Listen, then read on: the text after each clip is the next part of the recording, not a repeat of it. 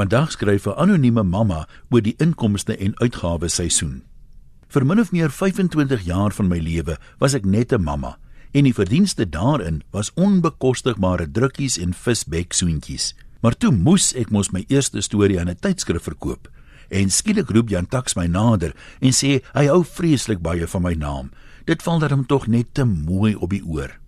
En terwyl ek my lewe lank gedink het 'n persoon moet darm 'n sekere inkomste per jaar verdien voordat jy belasting begin betaal, kom ek tot my skok agter dat 'n vryskutskrywer ook as vryskutprooi gesien word. Want sien, al verdien jy 'n skrale R98 met 25 sente vir die boekjaar, moet dit verklaar word. 'n Lastige belastingnommer het sy pad na my adres gevind.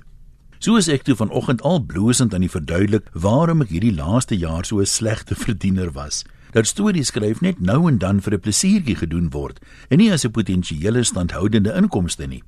Nie alleen voel ek onskuldig geweeg en te lig bevind nie, maar gou verander my bui om die Noorse vrou voor my sin te weerspieël. Waarom al die vrae? Is ek getroud? Het ek medies, beleggings, bla bla bla bla bla? En mevrou Antoniem, is u binne of buite gemeenskap van goedere getroud?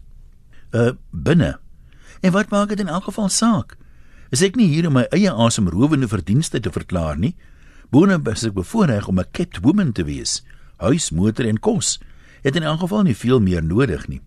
Haar irritasie styg nog 2 grade hoër en aangesien dit pas 8:30 is, is ek ernstig dankbaar ek is nie haar laaste kliënt van die dag nie wys my seker net hoe min ek van Jan Tak se denkerigting verstaan, want sien ek wat nie eers 'n salaris verdien nie, is aanspreeklik vir 50% van enige rente wat Habbi dalk mag verdien. Of as ons die huis sou verkoop of as die man ooit sal waag om oor 2 jaar op pensioen te gaan, nie asof dit saak maak dat ek geen aandeel in daai swaar gespaarde beleggings het nie of 'n enkele sent bygevoeg het om ons huislening af te betaal nie. Dit maak nie saak nie, want sien, as jy 30 jaar gelede so onnoosel was om binne gemeenskap van goed te trou, sal jy nou die prys daarvoor betaal. Ek mag nie 'n TV koop sonder dat Habbi nie skriftelik toestemming gee nie, maar ek moet die helfte van sy belasting op rente betaal. Is dit wat 'n mens dubbele standaarde noem? Dalk moet ek en Habbi maar op papier skei, saamwoon of niks gebeur het nie en baie beslis nie vir die kinders vertel nie. Die dames se dik lippe druk 'n bietjie stywer te mekaar. My grappie is verseker nie baie amusant nie. Nee, wat lyk my hoe minder letters Jan Tax van jou naam ken, hoe beter vir jou sielevrede.